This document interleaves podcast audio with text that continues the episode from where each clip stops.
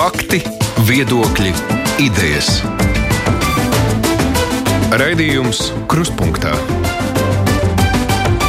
ar izpratni par būtisko. Studijā Aits Tomsons. Bez šaubām viņam ir bijusi liela ietekme bruņoto spēku attīstībā. Neviens uh, cits nav tik ilgstoši komandējis Latvijas armiju kā viņš. Nācis no zemesardzes, aizdienējies. Es gan nezinu, vai tā var teikt, es neesmu militārists. Atsakot, aizdienējies līdz pat ģenerāļa pakāpei.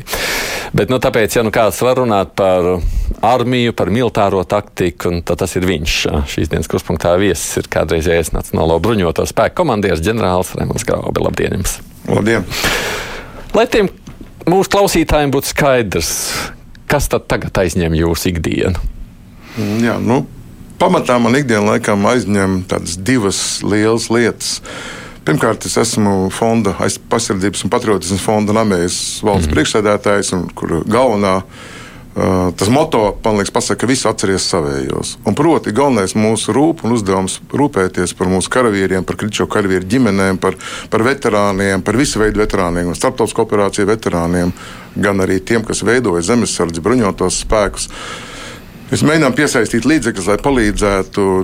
Mēs rīkojam jau 3, 4 gadu patiesībā bija bērnu nometnes. Šogad gan mazāk sakarā, sakarā ar Covid, pagājušajā gadā arī nedaudz mazāk, 50 bērniem tikai, kur vecāki bija Irākā, Afganistānā. Un par vilku mēs nedēļu dzīvojam pa mežiem kopā ar Skautu un Gaidu organizāciju, kas atbalsta mūs ļoti. Tāpat katra Arī visas kričo karavīru ģimenes jau vismaz pat divu, pat trim, un jau būs ceturto reizi tūlītās šo rudenī, ir bijušas rehabilitācijās, vaivaros, Uh, jaunķemeros, ja, jaunķemeru rehabilitācijas centrā un tā tālāk. Tāpat mēs palīdzam, zāles apmaksājam un daudz dažādas šādas lietas. Galvenais ir atcerēties savus veterānus atcer, un iz, izveidot tādu struktūru, tādu sistēmu, labdarības, kādas ir rietumu pasaulē, ļoti daudz. Valsts mm. visu nevar. Nevar teikt, ka valsts nerūpēs par karavīru, bet ir ļoti daudz ko darīt no sabiedrības. Un, un mēs to kopā izdarām. Tā ir jūsu labdarība arī pēdējais. Ja? Nu, tā ir man kā komandieris, tie ir mani karavīri, kas ir mm -hmm. manā laikā bijuši Afganistānā, Irākā ar manām pavēlēm. Un, un, un, un es jūtu atbildību, protams, pret saviem karavīriem. Tas ir viens. Un otrs,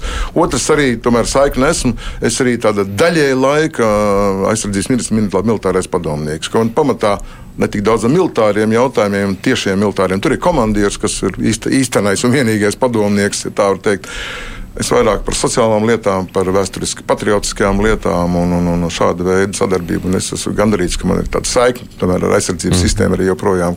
Pārējais ir detaļas tālāk, jau tikai ja? nu, kaut kāda vēl papildus, kāda reizes pienākumiņa. Ja? Nu, jā, vēl pāris fondi un arī ordeņa kapitāls un vēl šādas tādas sabied, sabiedriskie pienākumi. Jā. Nu, tā atbildības nasta jau ir mazāka vai ne? Nekā bija. Jā, protams, protams. Bet tas var būt tāda tieša atbildības nasta, bet, bet savukārt labdarība uzliek ļoti lielu pienākumu. Jo tas viss ir labdarības darbs, tas nav, tas nav algas darbs. Tas, tā ir labdarība. Pilnā vārdā izpratnē brīvprātīgais, man ir brīvprātīgie. Mēs, nu, tur arī ir liela atbildība, ja reiz uzņēmies kaut ko darīt, tad ir, tad ir jāveic. Kas ir tie, kas ziedo? Nu, un atbalsta šādā veidā? Uh, Tie ir uzņēmumi pārsvarā vai tās nē, ir privāti personas? Uh, es ļoti, ļoti uzmanos uz nu, veid, veidoju šo fondu tādu, lai viņiem teiksim, šī reputācija pats pats svarīgākais. Uh, neviens nav ziedotājs no tiem, kas varbūt bruņotos spēkos kādreiz saņēmis kādu pasūtījumu. Ir otrādi. Mēs vairāk koncentrējamies uz pašiem karavīriem. Jaunam karavīram jāpalīdz vecajam karavīram. Mm. Šī, šis iekšējais tāds Es viņu saucu par tādu iekšā peripertumu, tādu sistēmu mūžīgo, jā, jārada tāds aprite, ka tu kādreiz būsi veterāns, tev palīdzēs tavs jaunais. Un, un, un karavīri aktīvākie ziedotāji. Karavīri man ļoti laba sadarbība ar kapelānu dienestu, ar instruktoru dienestu. Tāpat tās Dārgos Vanagi, Pasaules Brīvā Latviešu apvienība ar, ar, ar, ar tā, emigrācijas lielās struktūras. Un atsevišķiem uzdevumiem, jā, es griežos pie, pie, pie uzņēmējiem, bet, kā es, kā es teicu, tikai pie tiem, kam nav bijis nekādas darba attiecības vai līgumi vai nākotnē iespējamas dalība konkursos, kur es skaidri zinu, ka tās ir firmas, kurām nu, nav vajadzība to darīt. Nu, reiz mēs to jautājumu, protams, negrasījos sākt, bet nu, reiz vienkārši ieminējāt, tajā publiskajā telpā jau ik pa brīdim parādās kādas ziņas par vai no nu aizdomīgiem iepirkumiem, bruņoto spēku vajadzībām. Ir jau kādi, kas arī tiek izmeklēti oficiālā līmenī, kaut kas paliek tikai tādā bauma līmenī. Bet, nu, ņemot vērā visu to nu, pamatoto slepenības plīvuru, kas tur vienmēr ir ap tiem bruņotiem spēkiem, kā tad, lai sabiedrība pārliecinās, var ticēt, ka nu, aiz šī slepenības plīvura armijā nenotiek kaut kādi negodīgi darījumi?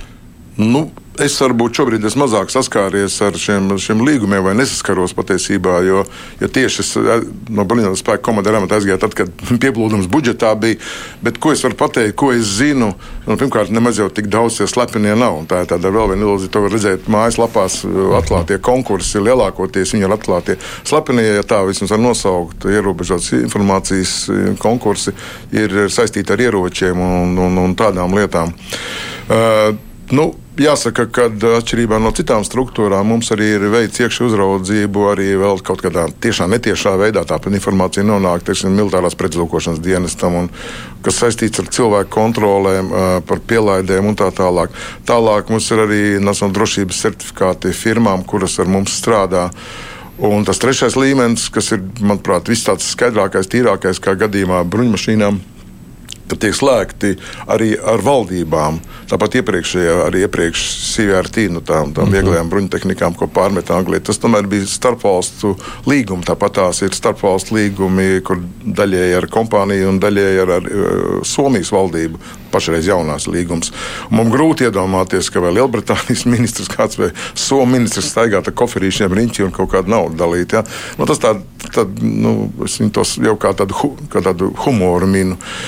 Bet, bet nu, protams, protams, ir jāsako, jāskatās, un es domāju, ka ir jābaidās, ka kādam tomēr tā kāja vai tā roka var slīdēt, neizturēt šo pārbaudījumu ar naudu. Tas pārbaudas, ja drošības mehānisms, jūsuprāt, ir pietiekošs?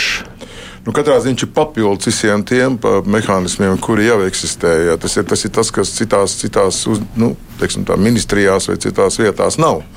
Tas ir papildus. Tas ir, domāju, mums ir tāds bonus, kas palielina šo drošību. Jo, jo kā jau teicu, katram virsniekam, arī atbildīgam ministrijas amatpersonam ir pielaides. Un pielaides nozīmē to, ka viņš tiek skatīts, vērtīts un arī kaut kādā veidā papildus kontrolēts. Un, un arī tas ir vēl viens tāds papildus nu, faktors, kas nav citās uh, valsts iestādēs.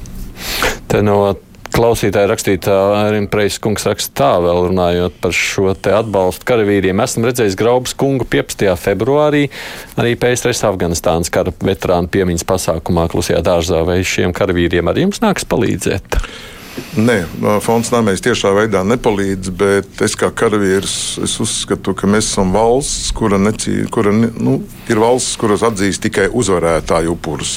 Mēs zinām, kādā veidā Krievija piemina otrā pasaules kara upurus. Tie, kas ir zaudētāju pusē, tie, tie tiek noniecināti. Apmeloti un tā tālāk. Es uzskatu, ka mēs esam pietiekami spēcīgi savā pārliecībā, garā un arī savā morālajā stājā. Mums ir jādod cieņa, jādod cieņa arī kritušiem, visos karos kritušiem karavīriem. Tā izskaitā arī padomu laikā kritušiem mūsu no Latvijas, ne tikai no Latvijas iesauktiem. Tā, manuprāt, ir šī. Es viņu sauktu par tādu bruņinieku, vai, ja gribat, uh, samuraju godu kodeksiem, vai vienkārši normālu karavīru godu kodeksiem, kas mums jāievēro. Jā, es tur esmu bijis, un es arī Un es arī nolieku galvu priekšā to ģimeņu, ģimeņu priekšā, kuri, kuri, kuri zaudēja savus, savus dēlus uh, šai karā, šai, šai, šai nepareizajā karā. Bet, uh, bet, bet tiešā veidā nē, Namējs ir orientēts uz pašreiz mm -hmm. brīvās Latvijas. At, atjaunot brīvās Latvijas teiksim, karavīriem un veterāniem. Es aizdomājos par to jūsu teikto, nu, ka ne tikai kara uzvarētājiem, bet arī kara zaudētājiem. Sakot, nu, ka šajā reizē PSRS Afganistānā bija kara zaudētāji tas, kas notika tagad, mēs arī bijām kara zaudētāji. Uh, jā, kas kā mēs to mēram? Šī, es domāju, par šo, par šo afgāņu kampaņu, par šo afgāņu operāciju tiks rakstītas desmitiem, ja ne simtiem grāmatu un veikti dažādi pētījumi. Un, un ir tā ļoti dīvaini. Tik īsā periodā pat, pat aptvert, kā, kā vispār analizēt šo. Es sāktu ar to, ka Tā laikam ir tā līdzība, ka es arī mācījos aizsardzības universitātē Amerikā, ka tur ļoti daudz runājot par Vietnamas kampaņu. Tika lietots šāds salīdzinājums vai, vai tāds uzstādījums, viedoklis, ka uh, karavīri nezaudēja nevienu plānoto kauju, bet Amerikas valsts zaudēja karu. Te ir līdzīgi. Es domāju, un es domāju, es pārliecināts, ka mūsu, arī mūsu karavīri, tā skaitā, karavīri izpildīja savu uzdevumu karavīri nezaudēja šo karu, jo karavīri veica divas tādas nu, ļoti liels uzdevums. Nu, tur sadalīt sīkākās, bet nu, tādas divas pamatu uzdevumus. Pirmais - radīt, radīt vidi, kurā drošu vidi, kurā var attīstīties ekonomika, izglītība, mainīties sabiedrība. Nu, to, ko mēs rietumos nu, šeit saprotam, ir demokrātija. Nu, katrai jā. valdībai vai ministrijām, kas tika uzdots, un pat ne, turpat vairāk. Uh, par šo tur mainīt tādu domāšanas veidu, pasaules uztveri, ja tā var teikt. Otrs ir otrs, konkrēti apmācīt pašu afgāņu armiju. Jā, bet nevis viņus kaut kā mēs redzam, Afgāņu armija nav neapmācīta. Nebija. Viņi bija ekipēti, viņi apmācīti taktiskām darbībām, elementārām, no tām, ko armija jāveic. Es domāju, arī mēs, Latvieši, piedalījāmies un diezgan droši ap, labi apmācījām. Nevarētu teikt, uzdevums nav izpildīts. Runa ir par vēlmi vai nevēlmi cīnīties. Un tur jau sākās uzdevums. Varbūt jūs pildījāt, bet rezultāts jau rāda, ka abi uzdevumi ir cietuši fiasko. Ne tur ir demokrātija, ne tie karavīri tur cīnījās un aizstāvēja savu valsti. Jā, es piekrītu, es piekrītu tam šim uzstādījumam, un es domāju, ka mums jau vajadzēja laicīgi pamanīt tās plaisas vai tās, tās, tās, tās nu, nu, tos pirmā indikācijas, kuras liecināja, ka kaut kas neiet pareizi. Un es pateikšu, viena no, viena no piemēram, uzskatu, viena no strateģiskajām kļūdām bija tāda, ka mēs uh, vēl līdz 12. gadam, 2012. gadam, varētu tā teikt, uh, karojām Afgāņu vietā. Mēs gājām kaujas operācijās, mēs veicām darbības, militārās darbības. Uh, Nu, tā vietā, lai no pirmās dienas varbūt mācītu, tagad skatoties, es tā to redzētu, mācām viņus, lai viņi savā zemē par savu zemi iestājās par savām vērtībām un paši karo. Un mēs pieredzinājām pie tā, un es zinu, ka karavīri stāsta arī pēc tam. 14, 15, 16 gadā viņi arī vienības it kā sagatavotas, bet baidās iet uh, operācijās bez, bez amerikāņu atbalsta, bez helikoptera atbalsta, bez medicīnas atbalstiem un tā tālāk. Viņi nebija spējīgi vai nevēlējās autonomā režīmā darboties. Jo viņi bija pieredzināti, ka viņus vienmēr kāds atbalstīs, vienmēr nāks palīdzīgā un, var sakot, ar tādām nopietnām ieroču sistēmām arī risinās šos jautājumus. Tā, kā, tā, bija tāda, tā bija tāda pirmā un otrā. To es laikam intervijās vēl neesmu teicis. Šajā periodā vairākas man ir bijušas, bet es tādu piemēru iedošu. Bija, manuprāt, tas slavenās vēlēšanas 2009. gads, ja nemaldos. Eh, kad ar tādu lielu skaitli bija ļoti pozitīvi, ka tik un tik piedalās vēlēšanās, tik un tik piedalās sievietes. Un, un kā, nu, tā ļoti pēc tādiem demokrātiskiem parametriem mūsu rietumu pasaules viss bija ļoti veiksmīgi. Un tā arī tika pasniegts pasaulē visai pārējai kā veiksmes stāsts. Bet, kad es tikos ar vienu no mūsu virsniekiem, kas tajā laikā bija tie, nu, pāris mēnešus vēlāk pēc vēlēšanām, bija Afganistānā, kas arī, arī nodrošināja šo nu, teiksim, tā, vēlēšanu norises tādu, tādu drošību. Viņš saka, jā, sievietes gāja balsot, bet tas bija nevis pēc mūsu tādiem demokrātiskiem principiem, kā mēs to saprotam, bet gan ciemvecais atnāca. Viņš uzskatīja, ka Kabula jāatbalsta, ciemvecais pateica, tā visi, visas sievietes vai visi, visi, kam jāiet balsot, iet balsot un balsot par šo. Un viss ciemats tātad pēc tādiem es teiktu, viduslaiku principiem joprojām, jā, nu, vajag balsot, balsojam, bet devo, dot, dots uzdevums, dots uzstādījums, un visi atbalsot. Un, un mēs to teiksim, pēc saviem parametriem vērtējot rietumu galvaspilsētās, Eiropas galvaspilsētās, un ne tikai tika runāts par sasniegumu. Tas plaisas jau bija redzams. Tātad kaut kas veidā, kā mēs mēģinājām šo valsti veidot, palīdzēt veidot, kaut kāds plaisas jau bija redzams, un, un, un, un darbi negāja. Vai, vai, vai arī vai iespējas pat nebija, vai nebija pamats cerēt, varbūt, ka tik īsā laikā mēs kaut ko, kaut ko mainīsim, neskatoties uz milzīgiem līdzekļiem. Nu, protams, protams, nacionālās īpatnības, ja tā var teikt, korupcija augstākā mērā. Uh, un, un visādi veidi, šādi veidi faktori, kas vēl papildus iedarbojās uz šo situāciju. Nu, tagad jau um, ar vien skaļāk atskan balsis, ka būtībā jau vispār uzstādījums, jeb uzdevums mēģināt ienest kaut kur demokrātiju, kā jūs teicāt, tas bija viens no tiem diviem uzdevumiem. Viņš ir aplams pēc būtības, jo katrs ar savu kultūru un savu vēsturisko mantojumu nevajag tur nest to, ko viņiem pašiem nemaz nevajag. Nepiekrītat? Jā, protams, vismaz Afgānas piemērā tam var piekrist eh, tādajādi, ka šim, nu, es tomēr dēvētu par tādām tradīcijām, kas no mūsu Eiropas vēstures izpratnē būtu datējums ar kādiem 300, 400 varbūt, gadiem atpakaļ. Viņiem ir Viņiem ir noteikti sava iekšējie ritmi, iekšējie uzstādījumi. Un tas nav tā, ka tagad afgāņi visi ir naidīgi. Mums viņi arī pret talībiem, mums arī mūsu operācijas gaitā bija šāda atnāk ziņa, piemēram, kad atrasti divi nogalināti talībi. Tas vienkārši ciemats, tā ieleja, tā ģimene vai tas klans vai tā geogrāfiskā vēl dažādām mm. pazīmēm var analizēt to, to reģionu. Un viņš vienkārši nelaiž iekšā talibus, tāpat kā viņš negrib redzēt arī mūsu. Mēs zināmā mērā nu, drīkstējām tur atrasties, tāpēc ka mēs, mēs, mēs arī sniedzām dažādu veidu atbalstu viņam. Ja. Es, piemēram, neminēšu valsti, arī vēl vienu piemēru minēšu, kā viņi to uztver. Mēs jau diezgan ilgi arī operāciju periodā braukājām dažādas izlūku grupas pa valsts riņķi. Nelielas arī latvieši to darīja, tā saucamie moti. Bet arī nu, tas stāsts ir no citas valsts no pieredzes, kad brauc ar ciematu, arī satiekās ar vecajiem, pasēž padzer tēju, pajautā, kādas ir vajadzības. Un ciematais tādā sarunā pie tējas arī saka mierīgi, kad mierīgā tonī kad, jā, nu, ziniet, ka nākamreiz brauksiet cauri, es nevarēšu atturēt savus dēlus. Es domāju, viņš šaus pa jums. Jā, nu, tur uzmanieties kaut kā. Un apjukums tā komandieru, kas ir noticis. Viņš saka, bet nu, jūs tur pirms kādiem trim mēnešiem līdzīgā braucienā apsolījāt to un to izdarīt, vai tur aki izrakt, kaut ko tam līdzīgu, bet nu, kaut kā nepildat uz pienākumus. Mēs nevaram tā. Nu, tad, eh, tad, jā, nu, tad viņi aptver to, ka nododot teiksim, rotāciju, kāds nebija kaut ko pateicis. Šis ilustrē tādu viņu attieksmi un domāšanu. Tu, kā, jā, tu vari tur būt ar tādu mūsu atļauju. Kaut kādiem labumiem, vai kā savādāk. Tas, tas par to liecina. Līdz ar to arī tagad, ja mēs prognozējam, mēs runājam par pagātni, runājam par nākotni, uz to arī balstās manā izpratnē Afganistānas nākotnes neskaidrība. Uh, Puštaņiem ir vienkārši viena reliģiska, kas pamatā ir balstīta uz vienu puštaņu cilts, tādu radikālo reliģiju, kā mēs zinām, nu, radikālu islāmu, radikālāku islāmu atzaru. Un tas nenozīmē, ka visas īsās ielās un visas uzbeki, hazāri vai, vai, vai, vai, vai, vai vai taģiku teiksim, ciltis ar to samierināsies. Un, un, un līdz ar to šeit, šeit kaut kāds pilsoņu karš ir prognozējams, manuprāt, diezgan reāli un droši. Un es, man liekas, vakar tieši lasīju par to, ka jau viens no amerikāņu republikāņu pie tam senatoriem uh, BBC.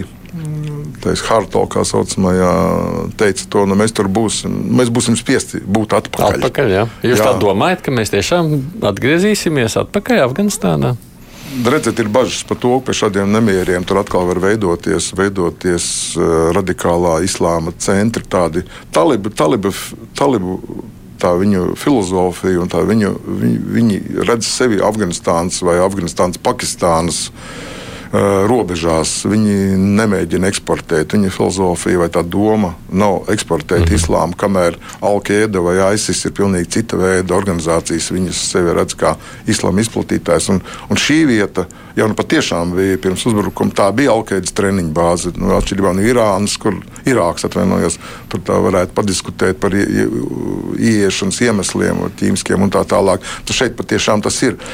Un ir bažas, jā, arī tieši senators attīstīja to, ka tas būtu tāds priekšnoteikums atkal attīstīties vienā vietā, treniņu bāzēm, kas tad jau radās nopietnas apdraudējums. Līdzīgi kā Sīrijā tas bija, kur Sīrijā tika kopējiem spēkiem šī situācija daudz maz. Nu, Sīrijas problēma atrisināta, ISIS problēma vismaz tādā plašā mērogā atrisināta. Un šeit būtu vēl viena vieta, kur tas var dzimt un trenēties un darboties. Bet te jau nevar mūžīgi vienu valstī būt nezinu, sadalīts starp pārējām pasaules varām, vai lai viņas tur kontrolē un nodrošina drošību. Tas jau nav iespējams. Nu, es varbūt tādu ģeostrateģisku analīzi tādu nemēģināšu veikt. Jā. Es vienkārši šobrīd vairāk izsaku savus pārdomus par to, ka tā situācija noteikti nav beigusies un viņa var pagriezties visdažādākos virzienos. Bet, ja tā, vai jūsuprāt, tad amerikāņu šāda veida aiziešana bija kļūda? Jā, tas arī ir jautājums, ko noteikti vēl ilgi un dikti apspriedīs. Es teikšu, ka kļūda bija patiesībā noteikti bija kļūda veidā, kādā tika iziets no Afganistānas. Tā noteikti ir kļūda. Tā ir noteikti kļūda. Tas būtu pirmais. Un otrais, kad nebija tāda skaidra iziešanas nosacījumi. Es atceros arī, kā komandieris, kam bija iespēja kaut kur runāt, par to tika daudz diskutēts par to, ka mums vajag to, kā angļuiski saucamais endstate, nu, tā kā tāda gala izējas plāna. Ja, nu, kas ir tie nosacījumi, nu, piemēram, izglītībā, nezinu, ekonomikā, militārā sagatavotībā. Nu, katrā jomā ir kaut kādi konkrēti mērķi sasniedzamie, nu, tad mēs uzskatām, ka tā kā tādu ķeksīšu ar joku, teiksim, kā tas ir izdarīts, tad var iet prom. Tas ir izdarīts, nu, vai, vai iet prom, bet nu, katrā ziņā ir priekšnoteikumi, kad ir kaut kas, kaut, kādi, kaut kādas efekts efekts sasniegts ja, tam visam. Un es domāju, ka šāda galēja plāna, teiksim, valstiska plāna, nevis militāra, mēs tā bišķi koncentrējamies par daudz to militāro daļu. Paturēsim prātā, ka politisko pārvaldību nodrošināja civilpersonas un, un, un, un ekonomika attīstīja nevis militāra persona, bet militāri tikai garantē to drošību, lai varētu attīstīties ekonomika. Kad es domāju, šie daudzie faktori, jo nu, manuprāt, netika izpildīti. Pirmkārt, tāpēc, ka viņi nebija pietiekami. Man, manuprāt, es tagad kā pilsonis runāju, uh, kad, manuprāt, nebija pietiekami skaidri definēti. Vai atsevišķos jautājumus pat vispār nebija definēti. Un līdz ar to tā, no, no Amerikas uh, politiskā vadība, jau sākot ar prezidentu Trumpu un, un Baidens, jau bija tikai šī gadījumā tā ielikts tādā lēmuma jau izpildes stūrī. Kad atlika domāt, kādā veidā iziet, nevis kad iziet. Tas, ko jūs pieminējat par to veidu, ko jūs savukārt domājāt ar šo, no otras ir uzdevumiem, jūs izskaidrojat, bet kas bija tajā aiziešanas veidā nepareizs? Nu, atkal. Nu, nevar paziņot tādu termiņu, termiņu, jo tas arī pietiekami daudz arī Latvijas. Es zinu, publiskā telpā aizsardzības ministrs par to ir runājis. Patiešām, ja tu pasaki, teiksim, 11. septembris, mēs ejam prom, ja tas bija plāns sākotnējais. Nu, tad jā, nu, tad tur nevienam nekas nav jādara.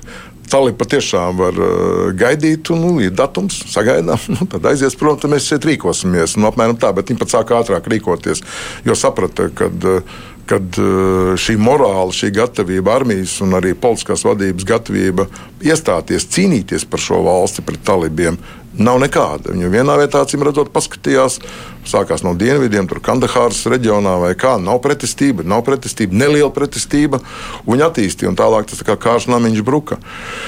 Um, nu, un, un, un, un, un otrs, otrs ir tas, kad šo paniku iekšējā afgāņiem jau radīja arī, piemēram, tā, Bagrams, tā pati Bagrams lidostas pamešana, kas vienā naktī pēkšņi izbrauc ārā izbrauc visā ārā. Bagrams lidosts ir tukšs. Es biju šajā lidostā. Viņi ir, viņi ir viena no milzīgām, viena no lielākajām lidostām. Viņas, viņas, viņas operatīvā kapacitāte bija nezinu, kā Hitros lidostā bez mazliet. Nu, viņa, nu, ļoti, ļoti jaudīga un ļoti, ļoti noslogota lidosta. Kur cauri dienai bija 47 lido lidmašīnas, un pēkšņi tā vienā dienā pazuda visi. Pat nevienā dienā, vienā naktī. Un tas viss, šie visi plāni, manuprāt, mm. bija nepareizi Kaut gan jāiet kaut kad bija prom. Nu, lielajos uzstādījumos, protams, piekrīt. Mēs mūžam ne, nevarējām palikt mūžīgi. Un, un, un, un rūpēties par valsti, kura varbūt pati, kā tagad izrādās, nebija gatava sev rūpēties. Plus, jau, vai es pareizi saprotu, tur taču arī talība ir ieguvuši gan NATO kaut kādu militāru aprīkojumu un daudz citas lietas, kas tur palika. Jā, tas nu, tur ir tādas divas lielas daļas. Protams, ja strelnieki ieroči vai kaut kāds vienkāršāks tehnikas vienības viņas izmanto šobrīd. Es domāju, Pančīras ielā jau izmanto savā kaujās arī munīcijas, liels daudzums un tā tālāk. Šim, šo viņi izmantos ilgi patiesībā. Bet, bet par tādiem modernākām, cik es zinu, amerikāņi lidaparātus savējos, vismaz helikopterus nu, padarīja nekaitīgus, lidu, nu, darbu, nu, teiksim, tā, lietošanai nederīgus. Un, nu, bet pārējās arī modernās bruņmašīnas, tāpat kā ar modernām mašīnām, nu, tas nav kā žiguli remontēt. Es domāju, tas būs kaut kāds laiks, viņi lietos, un pēc tam, ja nebūs rezerves daļu, viņi stāvēs gar malām. Tā kā varbūt tāds, tāds ilgtermiņa ieguvums uz modernāku tehniku varētu nebūt tik liels, bet uz, jā, uz strēlnieku ieročiem, uz munīciju, uz, uz nezinu, Hamviju vai tiem saucamajiem, vai, vai bruņotajiem, vai, vai kādām citām autotransporta vienībām. Tur gan, turpat es šodien redzēju ciparus no rīta. Ka runa bija par kopumā iedots Afgāņu armijai, un pašiem amerikāņiem kopā bija apmēram 70 tūkstoši šādu veidu transporta vienību Afganistānā. Tā kā cipari ir milzīgi. Jā. Tas, kas arī atskan savukārt šajās dienās, sakot, nevajadzēja vispār tur iet iekšā pirms tiem 20 gadiem. Kā jūs redzat, tie mērķi nav izpildāmi, uzdevumi nav izdarāmi, jau pat ieiešana bija kļūda. Es tā gluži nedomāju, jo šis nu, bija tas gadījums, ka patiešām, ja mēs redzam vienu valsti, kur jau attīstīties, radi, kur tiek trenēts radikālās islāma vienības, kaujinieku vienības, kuras dodas ārpus šīs teritorijas, Eiropas virzienā un Amerikas virzienā, un tas, tas, tas nu, šis nu, gan ir fakts, ko manuprāt pat liela skeptiķa vai sazvērstība teorija piekritē varbūt tikai nepiekrīt, bet pārējie nu, tas, tas, tas ir pierādāms, tas ir pierādīts un Alkaida un tās, tās ir reālas organizācijas 11. septembris un nu, jā, daudz jā. citu uzbrukumi. Um, nē, saprotiet, grūti iedomāties, ka ir pasaulē viena leģitīma, kas pretendē būt leģitīma valsts, bet tam no vairākām valstīm talība tā laika valdība jau tika atzīta, kā no Pakistānas, mm -hmm. piemēram, apvienotā Arābu Emirātiem un tā tālāk, vēl pāris valsts. Tātad leģitīma valdība, kura atļāva savā teritorijā tikpat leģitīmi trenēties cilvēkiem, kas, kas eksportē šo terorismu, radikālo islāmu. Un viņi tika brīdināti, un tā informācija bija. Pēc 11. septembra nu, jārīkojās, protams, pēc cik liels traģēdijas bija. Tā kā iemesls bija pareizs, un arī sākotnējie, sākotnējie mērķi arī tika sasniegti, tika nodibināta jauna valdība atvērts universitātes. Un, nu, es domāju, tā ir vēl viena tāda problēma. 20 gadi pagājuši, un 20 gados mēs tā atkal militāri rēķinām, bet mēs paskatāmies arī, kad es pats biju 14 reizes Afganistānā, dažādās pilsētās, Kabulā. Nu, braucot, labi, var teikt, kāds varbūt tādā klausīties, tagad teikt, ja tādā VIP režīmā, bet man bija iespēja tikties gan ar karavīriem, arī ar tā skaitā ar afgāņu gubernatoriem, gan arī Kabulā. Un tur pa loku pat var redzēt, braucot, nu strādā, nu strādā universitāte, ir kaut kādi jau dzimuši, jau ir tie, kas beiguši vidusskolas paudze. Un īpaši pilsētās, lielajās pilsētās, cilvēki ir universitātēs gājuši, mākslinieki un tā tālāk. Ir normāla dzīve attīstīta. Ir. Eh, protams, ka eh, lielākā plaisa eh, atšķirība Afganistānā ir starp pilsētām un laukiem. Jā, kas arī patiesībā ir talību, tie, tie, tie pamata atbalsta punkti un, un visādām tālajām provincēm un ielām un tā tālāk ciematiem. Bet kopumā tā dzīve jau ir mainījusies. Nevar jau teikt, ka nekas tur nav izdevies. Runa ir tikai par to, ka neviens nenosargāja šīs, šos mm. valstiskos iedīgļus, kuri, kuri, kuri bija izveidoti šajos 20 gados. Funkci, valsts jau funkcionēja valsts funkcionēja. Nu, Bet nepietiekams. Tas jautājums ir ar tādu ļoti lielu morālu pieskaņu tieši tāpēc, ka mēs jau tur zaudējām savus puikas. Nu, labi, amerikāņi tur krietni vairāk, bet nu, tur taču ļoti daudz zaudēja dzīvību šī nu, kara teiksim, rezultātā. Ja. Jā. Nu, jā, tas, ir, tas ir tas lielākais jautājums arī mums pašiem. Arī man, arī man bija sarunas, vairāk sarunas ar mūsu kritušo karavīru, nu, vecākiem un ģimenes locekļiem par šo, par šo vērts, nevērts, kā tagad skatīties uz to, ka mēs esam aizgājuši. Un es atbildēšu to, ko es atbildēju jau vienā no intervijām. Es atkārtošu vēlreiz, un proti, ka es uzskatu, ka uh, mēs jā, katra dzīvība ir. Nu, tas, nav, tas nav mērāms tādā dzīvības. Mēs četrus, četrus karavīrus pazaudējām Afganistānā, palikam. Um, tur tas nav mērāms vai iegūms vai zaudējums, bet, bet, bet, bet pirmkārt mēs izdarījām divas lielas lietas. Un zaudējums Latvijas nacionālajai uh, aizsardzībai, pašaizsardzībai, nacionālajai drošībai mēs esam noteikti ieguvuši ļoti daudz. Pirmkārt, jau mēs esam apliecinājuši to, ka mēs esam NATO uzticam NATO dalību valsts, vai patīk vai nepatīk. Tas atkal būs rakstīts grāmatas, vajadzēja, nevajadzēja iet, bet NATO lēma ar apvienoto nāciju. Uzsvēršu apvienoto nāciju. Mm. Vēl viena lieta, ko patiesībā neuzsver pietiekami, netiek runāts. Tur nebija NATO lēmums, apvienoto nāciju lēmums. Viņi tikai periodiski tika atjaunot šī operācija. Tā ir skaitā drošības padomu, kur arī Krievijas uh, sastāvā. Viņi vienmēr šīs operācijas, šo operāciju, šo klātbūtni atbalstīja. Kā, un NATO šajā uh, Afganistānas operācijā kopā piedalījās, ja nemaldos, mums tie statistika, kas bija Afganistānā, sauc ap 50 valstīm. Militāri piedalījās mazāk, bet turpat pat Japāna piedalījās ar dažādām programmām, atbalstu un tā tālāk. Šo operāciju humanitāro palīdzību sniedza. Tas nav tikai NATO valsts, tā ir vēl viena lieta, kas jāsaprot. Bet atgriežoties pie šī uzstādījuma, tātad mēs ceram, ka mūsu piektā tagad būs mācības zapatulītās. Mēs ceram pie kaut kādiem konfliktiem, kad piektais, piektais pants, ko mēs visi ļoti labi zinām, strādās un ceram, ka NATO mums būs tas lielais garants, kā arī būs. Bet mēs nevaram neiet uh, kopā būt ar NATO, ja gadījumā mēs ceram, lai kāds nāktu. Nu, te nav nekāda brīvbiļeti vai, vai atrasties tā, nu, kad apmēram tādu aizsargājot mūs, bet mēs nepiedalāmies. Tas ir pirmais.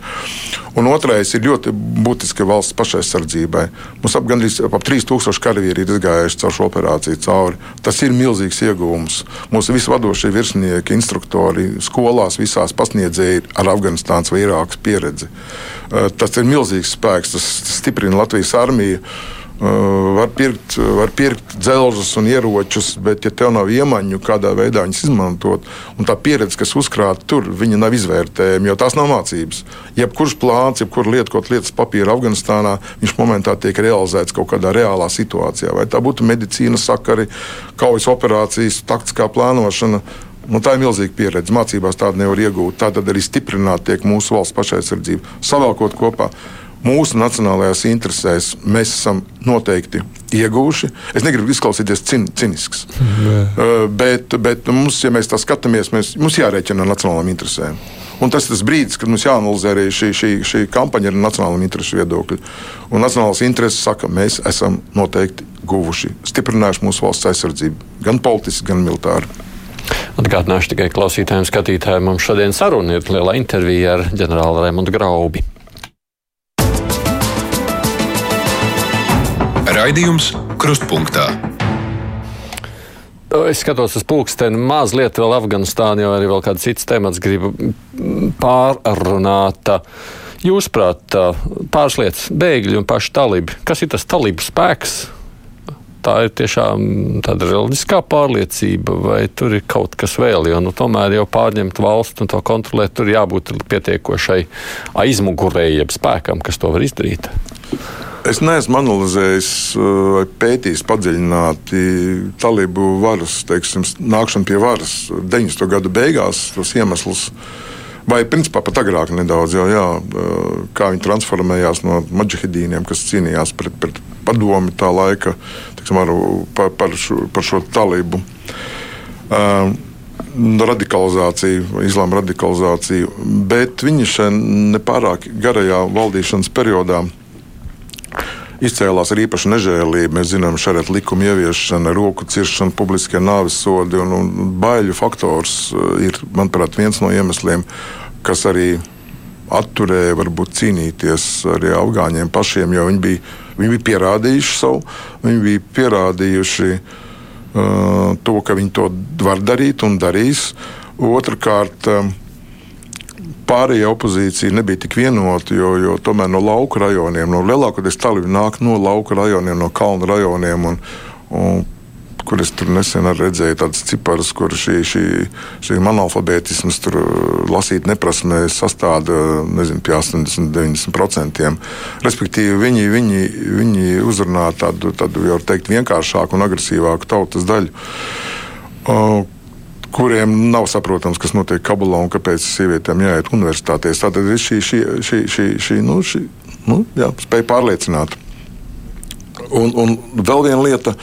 Kad noteikti afgāņi ir noguruši no šiem konfliktiem, neskaidrībām, un talība arī pašreiz viņa, viņa retorika, viņa tie uzstādījumi, kas ir pieejami publiskā telpā, šķiet atšķirās ļoti no tiem, kādi bija 90. gados. Uh, Un viņi, jā, viņi, viņi garantē šo, šo mieru, ka viņi būs vienīgie, kas spēj to nokontrolēt un, un, un garantēt. Un es nezinu, varbūt cilvēki arī, arī tam vēl papildus tic, un varbūt ir, varbūt ir, varbūt nav pamats. Nezinu, laiks parādīs, es pats esmu skeptisks. Bet, nu, tur kombinācija no ļoti daudziem šādiem lietām, kas, kas, kas padara viņus spēcīgus šobrīd, un, un vienīgos, kas laikam spēj varbūt kaut kādā veidā, kādu brīdi kontrolēt situāciju Afganistānā. Jūsuprāt, mums ir jāgatavojas bēgļu krīzai? Afganistānas bēgļu krīze noteikti būs savādāka. Nu, mēs esam paziņojuši, un es arī uzskatu, ka mēs nesam atbildīgi par tiem, par tiem afgāņu tulkiem un nu, citiem cilvēkiem, loģistikas cilvēkiem, kas garantē mūsu karavīru atrašanos, atrašanos Afganistānā tādu nu, vieglāku un saprotamāku. Es pats esmu saskāries ar viņiem, arī man tulki bija līdzi, kad es braucu tikos ar, ar, ar, ar, ar dažādu nu, līmeņu teiksim, vadītājiem. Jā, mums par viņiem jārūpēs, bet tie ir manuprāt, apzināti bija kaut kas ap desmit, ja nemaldos. Ja, un, un, un, un, un, tā, kā, tā ir tā mūsu atbildība. Bet uh, par bēgļu krīzi. Tas viss atkarīgs no tā, kā situācija attīstīsies. Jā, nu šobrīd, šobrīd uz izbraukšanu, manuprāt, Afganistānas, paša Afganistāna kādi 140 tūkstoši gaida. Bet no lielās valsts vairākas ir amerikāņi, ir teikuši, ka viņi paņems tur arī vairākus desmitus tūkstošu, kas ar viņiem strādāja. Respektīvi, ja, šis, ja paliekam pie šī cipara, viņš neradīs tādu, manuprāt, lielu apdraudējumu, ja mēs sadalīsimies starp, valstīs, starp valstīm, kurām kurus, kuriem, kurām viņi palīdzēja. Bet kopumā pie, pie, pie pilsoņu kara kaut kādiem scenārijiem, neskaidrībām, protams, nu, kā jebkurā konflikta zonā, ir sagaidāms, sagaidāms uh, migrācija. Sagaidām kā mums bēgļus. vajadzētu reaģēt uz to, kādai būs jābūt tai attieksmei, tad, ja tas pilsoņu kara rezultātā tur tiešām kādi mēģina jau nonākt, ir spējuši nonākt līdz Latvijas robežām.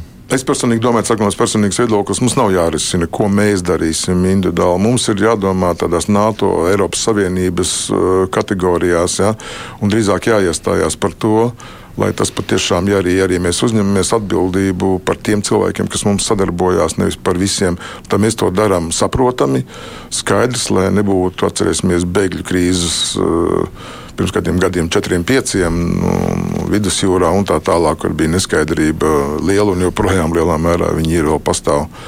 Mums ir pašiem savu bēgļu krīzi šobrīd uz Latvijas-Baltkrievijas robežas. Līdz ar to risināsim to, kas mums šobrīd ir aktuāls. Un, un... Par to arī gribēju turpināt. Vispār jau to arī dēvē par hibrīdu kāru vai jebkurā gadījumā lieto šo kara elementu. Jūs piekrītat, tā tas ir? Jā, protams.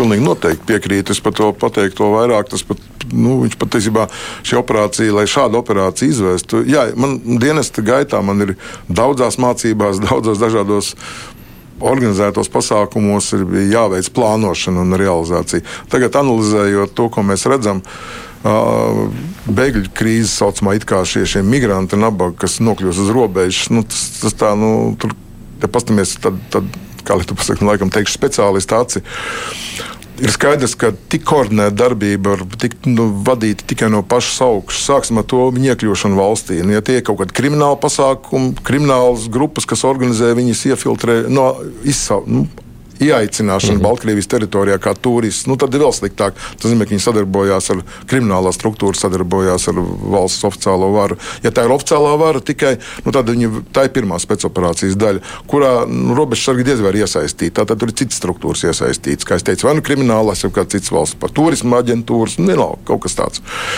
Tālāk viņi nokļūst tur. Bet iedomāsimies, tagad, kad pat mēs nokļūstam kādā svešā valstī, kur ir robeža, kā, kā, atrast to visu. Nu, tātad kāds virza viņus līdz tai robežai visaugstākajā līmenī. Tālāk viņi nonāk apbruņot cilvēku jau robežas zonā. Nu, tālāk viņi tiek virzīti tieši pa šo konkrēto taku, kur tiek izpētīts, ka varbūt nav ne lietuviešu, ne latviešu robežas, tur tāds caurums varbūt tajā brīdī ir, jā, kas arī daļa no izlūkošanas darbībām militāriem, kur tad īsti bīdīt. Saprotiet, un tas viss ir Tas viss ir tik organizēti, ka tur jābūt iesaistītam ļoti augstu līmeņi. Tas nav kā robežsargam kaut kādam majoram tik uzdots, nu, zini, tu tur pārdzen pāri.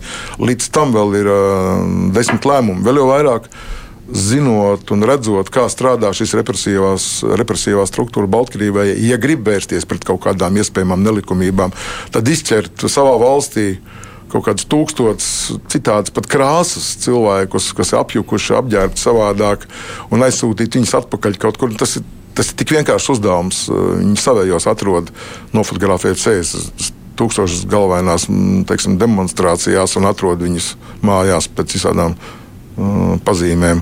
Un šeit neatradīs.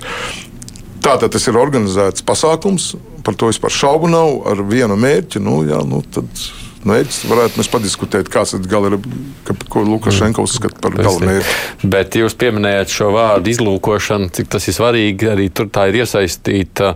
Tas, ko tagad mediji ziņo, ir, ka tas, nu, tas plāns Lukašenko vadībā jau izstrādāts ir bijis iepriekš, ka šādā veidā vajadzētu šo kara elementu organizēt. Mums informācijas nebija. Tas nozīmē, ka mūsu izlūki ne, ir nogulējuši kaut ko tādu. Nē, nu redziet, es ne tā, tā to varbūt neanalizētu. Nu, kā tā nav jau, nu, kā var apgalvot, ka tāds plāns ir bijis. Es runāšu savādāk. Mūsdienu kara, mūsdienu, mūsdienu kara plānos mēs nedrīkstam mūsdienu konfliktus skatīt vienīgi un tikai no, no, no tādam no konvencionāla, ja tā var teikt, ierocis pret ieroci aspekta. Daudzkārt piesauktā Gerāsimova Krievu komandieri vai nu, ģenerāļa Gerasmo doktrīna, kur tika apstiprināta jau pirms kādiem gadiem, laikam, astoņiem. Skaidri un gaiši pasaka, ka jebkurš militārais konflikts sākās ar hibrīdu uzbrukumiem, un hibrīdu uzbrukumu formas ir visdažādākās. Tas ir gan psiholoģiskās ietekmes, gan, gan ekonomiskās, gan migrācija. Tur varētu būt tur, tur ir desmit veidi, kā ietekmēt iespējamu oponentu vēl pirms iespējama militāra konflikta aiz dažādiem iemesliem. Šis pats, piemēram, migrāntu, tikai vienu pateikšu, piemēru scenāriju. Zaļie, zaļo vīriņu kaut kādā scenārija gadījumā tie zaļie vīriņi Latvijā noteikti nebūs pietiekami. Ja, ja, ja vispār attīstīs mūsu oponents kaut kādu Krimas, mm -hmm. Krimas vai Luganskas, Doņetskas scenārijas. Bet tu tomēr attīsti. Nu, tā taču cilvēki jāatbūna kaut kādi jāiefiltrē Latvijas teritorijā iekšā. Tā ne, pēc iespējas nemanāk. Nu, nu, migrācijas virzīšana pār robežu ir ideāls veids, kā testēt, pārbaudīt teiksim, mūsu robežsargu darbu, bruņoto spēku vienību darbu. Viņi noklausās radiosarunas veidu, kā reaģē. Teiksim, ja, nu, viņi redz, ka mēs uzzinām, piemēram, 20 minūtes iepriekš, vai mēs spējam nobloķēt to zonu, cik ilgā laikā ar kādiem spēkiem. Šie, šīs darbības notiek šobrīd. Un tā ir normāls kara darbības, tādā izpratnē, kā izlo, ar visu izlūkošanu, ar mobilitāti, ar pārbaudēm. Vienīgais nav ieroču lietošana, bet vispārējās fāzes ir. Jā, bet tas, ko jūs sakāt, jūs jau arī atzīmējāt, apzīmējāt, uzzīmējāt mums to ainu, cik tas ir sarežģīti, tātad koordinēts darbs, kurš ir plānots, tu tā nevar uzreiz vai nevienā dienā dabūt cilvēks pie robežas. Tad viņš ir iepriekš jau rūpīgi izplānots. Nu, cik nu rūpīgi, bet izplānots, tas ir skaidrs. Bet tādas īsti informācijas tā vien šķiet, ka mūsu pusē nebija. Mums tas bija tāds, mums te varbūt mazāk lietuviešiem tas bija tāds ātrais pirmās reakcijas jautājums. Gatavi jau nebijām. Tā. Nu, redziet, Ja mēs runājam par militāru izlūkošanu, mēs, protams, strādājam vairāk uz kaut kādām militārām pazīmēm, jā, nu, tur kaut kāda vienība pārvietošana, raķešu izvietošana. Politiskā izlūkošana. Jā, no, šeit, ir, šeit ir savādāk šāda veida plāni. Bet es atkārtošu vēlreiz, es nedomāju, ka viņi bija kaut ko sagatavoti atvilknēs, tāds precīzi detalizēts plāns, drīzāk vispār migrācijas palielināšana. Es domāju, tā bija tāda zināma arī veiksme Lukašenko, ka tāda iespēja parādījās. Es domāju, tas bija tāds oportunisks drīzāk pasākums kas, kas nu, viņuprāt strādā, manuprāt, nepārāk strādā. Bet es atkal. Es gribētu šo sadaļu varbūt nedaudz savilkt, nu, no savas puses savilkt kopā. Jums nebūs jautājumu. Tādā ziņā, ka paskatīsimies arī no pozitīvās puses, arī vairāk kārtas uzsvēršu un uzsvēršu. Mēs visu laiku no negatīvās puses analizējam. Paskatīsimies, kā mums šobrīd sadarbība notiek ar robežsardzi. Mēs runājam daudz par visaptvarošu aizsardzību, par šiem jēdzieniem, uh, kur mēs visas valsts institūcijas kaut kādu vienu mērķu vārdā koordinējam, rīkojamies, un arī privātais bizness. Un šeit, lūk, šis, šis varbūt daudziem sarežģītais vārds, nesaprotamais visaptvaroša aizsardzība, tas vienkārši šeit ir labs piemērs, kā mēs koordinējam, mēs sev trenējam. Un tas ir, tas ir unikāls treniņš, atkal tāds līdzīgs, kā es runāju par Afganistānas operāciju vai, vai dalību.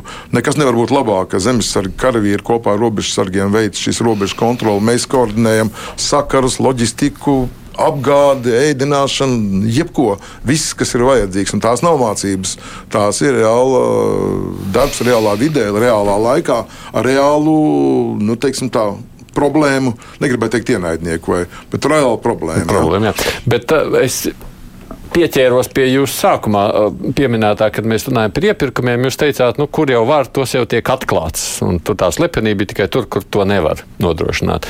Pie robežas te mēs redzam, te ir žurnālisti un ne tikai Latvijā. Tas parādās Lietuvā, Igaunijā, Lietuvā, Polijā un arī jau nāk, pieņemsim, no Vācijas. Citām valstīm viņi saka, bet žurnālisti arī gribētu tur iesaistīties. Un tur, kā redzams, netiek pielaista žurnālistikai mediju klātbūt pie robežas, lai viņi tiešām varētu pārliecināties, kā tās lietas tiek risinātas. Jūsu viedoklis tiešām tur jāsargā žurnālists, jātur Rīgā, lai viņi, nu, ne, mēs nevaram garantēt viņu drošību, tāpēc mēs pie robežas viņus klāt nelaidīsim. Es gan nezinu, es tiešām nezinu iemeslu. Šobrīd es neeju ne, ne, ne, ne prom no atbildes, bet man nav informācijas. Mm. Es neesmu bijis uz robežas, lai es varētu varbūt tā detalizēti analizēt šo, šo, šo, nu, šo iemeslus, praktiskos iemeslus. Bet, ziniet, es atbildētu savādāk.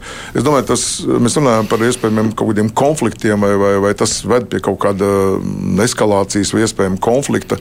Es atbildētu varbūt tiešā veidā šobrīd ne, bet paturēsim prātā ka tur uz robežas metru 20 viens no otra attālumā stāv abās pusēs bruņot cilvēki.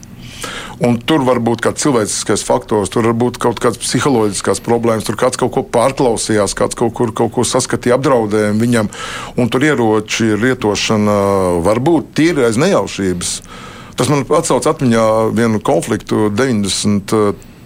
gadsimta nemaldos, tagad Vecmilgrāvī, tā rajonā kur, kur saņēma speciālistu vienība. Vanaka saņēma uzdevumu doties, kur vienā ceļa pusē vai grāvī guļ zemesargi, un otrā pusē Krievu, Krievu, Krievu karavīri, Krievijas federācijas tajā laikā jau. Jā. Un pa vidu stāv kaut kāds, laikam, četras tonnas, beigās bija mašīnas prākstielām. Un tagad un kādam arī var notrīcēt roku abiem diviem patronu stobros, un vēl vairāk, es zinu, ka zemesargiem tajā laikā arī tur traseris bija, nu, aizdzinošās patronas, katrs otrā, trešā, nu, bez dažādi, cik nu, bagāts katrs bija. Bet tā tad aizdzinot to, to var. Un, un tad tikai pa vidu apstājoties, eh, atbildot komandieris tur un nomierināja situāciju, jo viņi savā starpā nerunāja tikpat kā tā situācija bija tāda. Te kaut kas līdzīgs ir. Eh, pulveru muci ir pa vidu, vai, vai es ceru, ka tas veselais saprāts nostrādās. Bet atbildot uz žurnālistiem, es patiesi nezinu. Nu jā, labi, es patiesi nezinu. Citam jā, kādam. Tiešām oficiālākam. Bet sarunājāt savukārt, es redzu, ka man tā laika vairs nav tik daudz. Es mēģināšu apkopot. Nu, tas jau, ko, protams, dara, es domāju, tā dara. Nu, mēs gatavojamies visiem iespējamiem sliktajiem scenārijiem. Nu, Armija taču izstrādā un pie tā strādā. Uh, te parādās informācija regulāri medijos, sakot, bet tur jau taču arī kaut kāda militāra personas spēka tiek savilkt pie tās robežas, bruņotie tur uh, Baltkrievijas vai tam līdzīgi, bažoties no tā, vai tas neeskalēsies kaut kur tālāk. Bet arī jau vērojot tos procesus, kas notiek Krievijā, mums uh, ir uh, bāžas par to, kas notiek ar demokrātiju, apspiešanu un, un kā tie procesi varētu nākoša, nākotnē virzīties uz priekšu. Cik jūs esat droši, ka mēs esam gatavi jebkādiem negaidītiem pavērsieniem pie robežas? Redziet, šī pasaule pat par sevi šobrīd ir diezgan nedroša, bet kas attiecās uz Latvijas drošību, esot uh, NATO, esot Eiropas Savienībā un analizējot to apdraudējumu tādā nu, ģeostrateģiskā līmenī, tā var teikt, es domāju, ka mēs esam droši. Šobrīd mēs esam droši, jo, jo redzat, lai, lai kāds inicētu vai uzsāktu militāru konfliktu vai kaut kādu nelielu kariņu, vai nemaz nenākt pa lielu karu ar NATO valstīm, kas ir spēcīgākās pasaulē, tur, ir jābūt kaut kādam ļoti nopietnam iemeslam.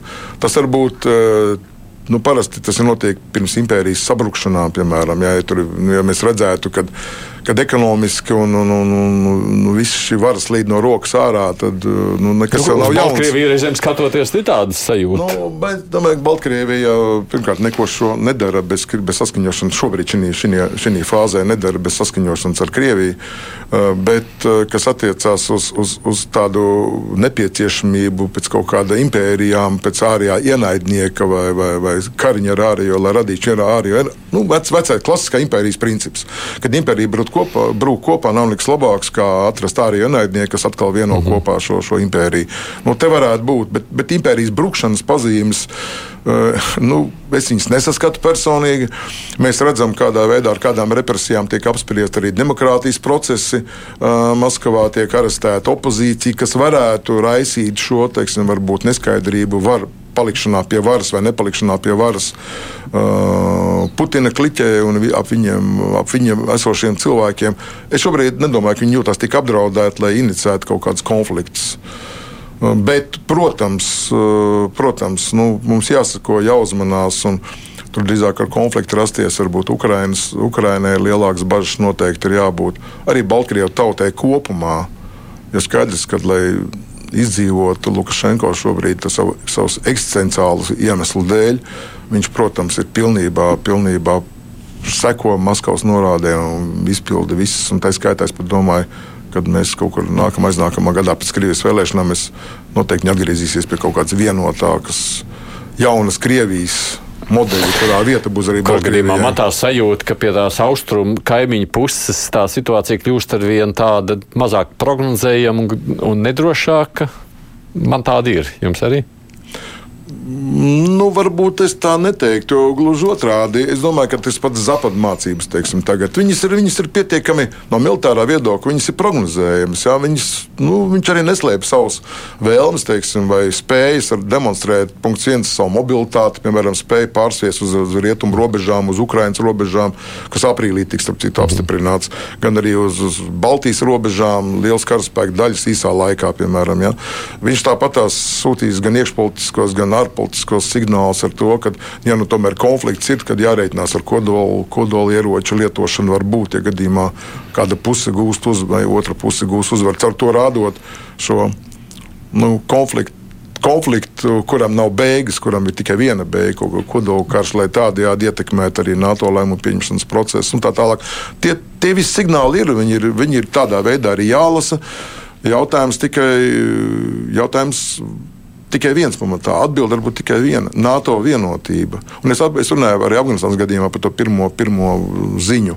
Kad NATO jābūt vienotiem, tas ir pats pats svarīgākais šobrīd. Es vairāk skatītos uz NATO vienotību, mazāk varbūt uz tām aktivitātēm, ko veids Krievija. Viņi pietiekami daudz aizņemts ar iekšējām problēmām. Viņi ir nākotnē arī ar Ķīnu būs problēmas noteikti. Uh, ģeo, ģeo tādu stratēģiju analizējot, kamēr, kamēr mums jāskatās mūsu iekšējā vienotība, kamēr mēs būsim vienoti un stipri savos lēmumos, savos politiskajos lēmumu pieņemšanas procesos, tikai mēs esam, mēs esam garantēti droši. Pēdējo pusotru minūti kaut ko mazliet no fantazēšanas sajūtām. Jūsuprāt, kāda būs? Ne, militārā attīstība vispār NATO nu, pēc kādiem gadiem 30.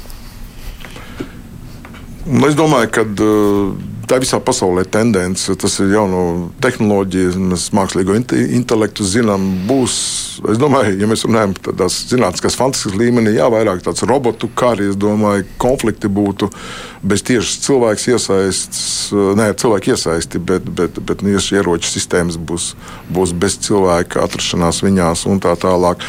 Bet, bet kopumā es domāju, ka pasaulē negribēs sevi iznīcināt, turpinās meklēt veidu, kādā veidā pašsaglabāties, ja tā var teikt, kā, kā risināt šīs ekonomiskās, sociālās, arī politiskās neskaidrības. Tā vietā, lai to risinātu ar ieročiem, ar moderniem ieročiem, ar atomieročiem, tā skaitā. Es domāju, ka tas ir, tas ir galvenais uzdevums. Ne tikai pēc 30 gadiem, bet arī bet vienmēr, vienmēr, vienmēr jā. būs savi nemieri, vienmēr būs miera meklējumi, risinājumi. Citur karot, citur atkal vienojas. Paldies jums, ka atnācāt šeit uz sarunu. Paldies. Ģenerālis Raimons Kraube bija mūsu šīs dienas kruspunktā lielās intervijas viesis.